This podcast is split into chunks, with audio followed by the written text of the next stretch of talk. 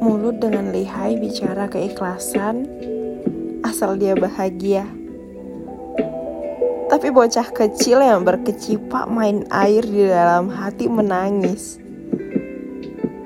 Menangisi kepergiannya. Kamu larut dalam muram. Kamu bilang tidak menangis. Padahal kamu menangis dalam derai hujan. Keliling kota, berkata, "Aku senang dengan hujan. Aku senang menikmati alam." Padahal kamu menangis di balik senyum dalam derai hujan. Overthinking tentang mantan sebulan dua bulan itu melelahkan Lagian, aku yakin dia masih punya rasa yang sama. Terus kamu mau apa? Balikan. Balikan itu memang menghangatkan kembali kenangan-kenangan manis. Tapi bukan hanya itu. Di keluar di luar kuasamu, masalah yang dulu ada juga tak sepenuhnya hilang kalau belum siap lebih baik move on deh.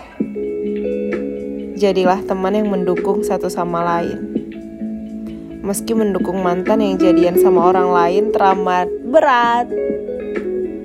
Aku tidak pernah mendukung mereka. Aku bahkan lari dalam cerita. Nah, bagaimana buat kamu yang sedang dalam pendekatan? tapi merasa nggak istimewa di depan gebetan. Anggap aja kamu nggak istimewa ya. Memang kamu paham betul apa yang istimewa. Percuma juga berlagak rupawan, kaya, dengan kepalsuan demi dapat gebetan yang kamu suka. Yang ada malah sakit hati kan? Jujur aja deh sama diri sendiri Lakukan yang bisa kamu lakukan dengan menjadi diri sendiri. Terlihat keren itu butuh tenaga loh. Butuh waktu juga. Berlebihan memikirkan hal begitu sendirian pasti melelahkan. Dan jangan dipaksakan. Kalau memang belum ada niat mencari pasangan lagi. Awas. Awas kalau kamu jadi pelarian atau kamu membuat dia menjadi pelarian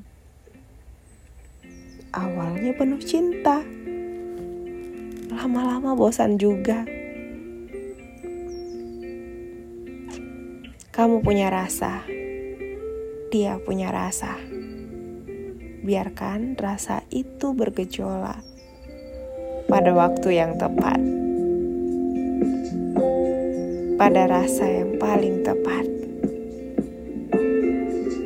pada kenikmatan cinta yang sesungguhnya. Memikirkan asmara dan mengubur luka.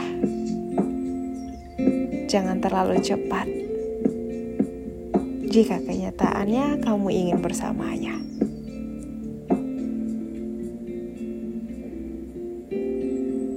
Salam dari saya Pesona Pena. Teman cerita dunia maya.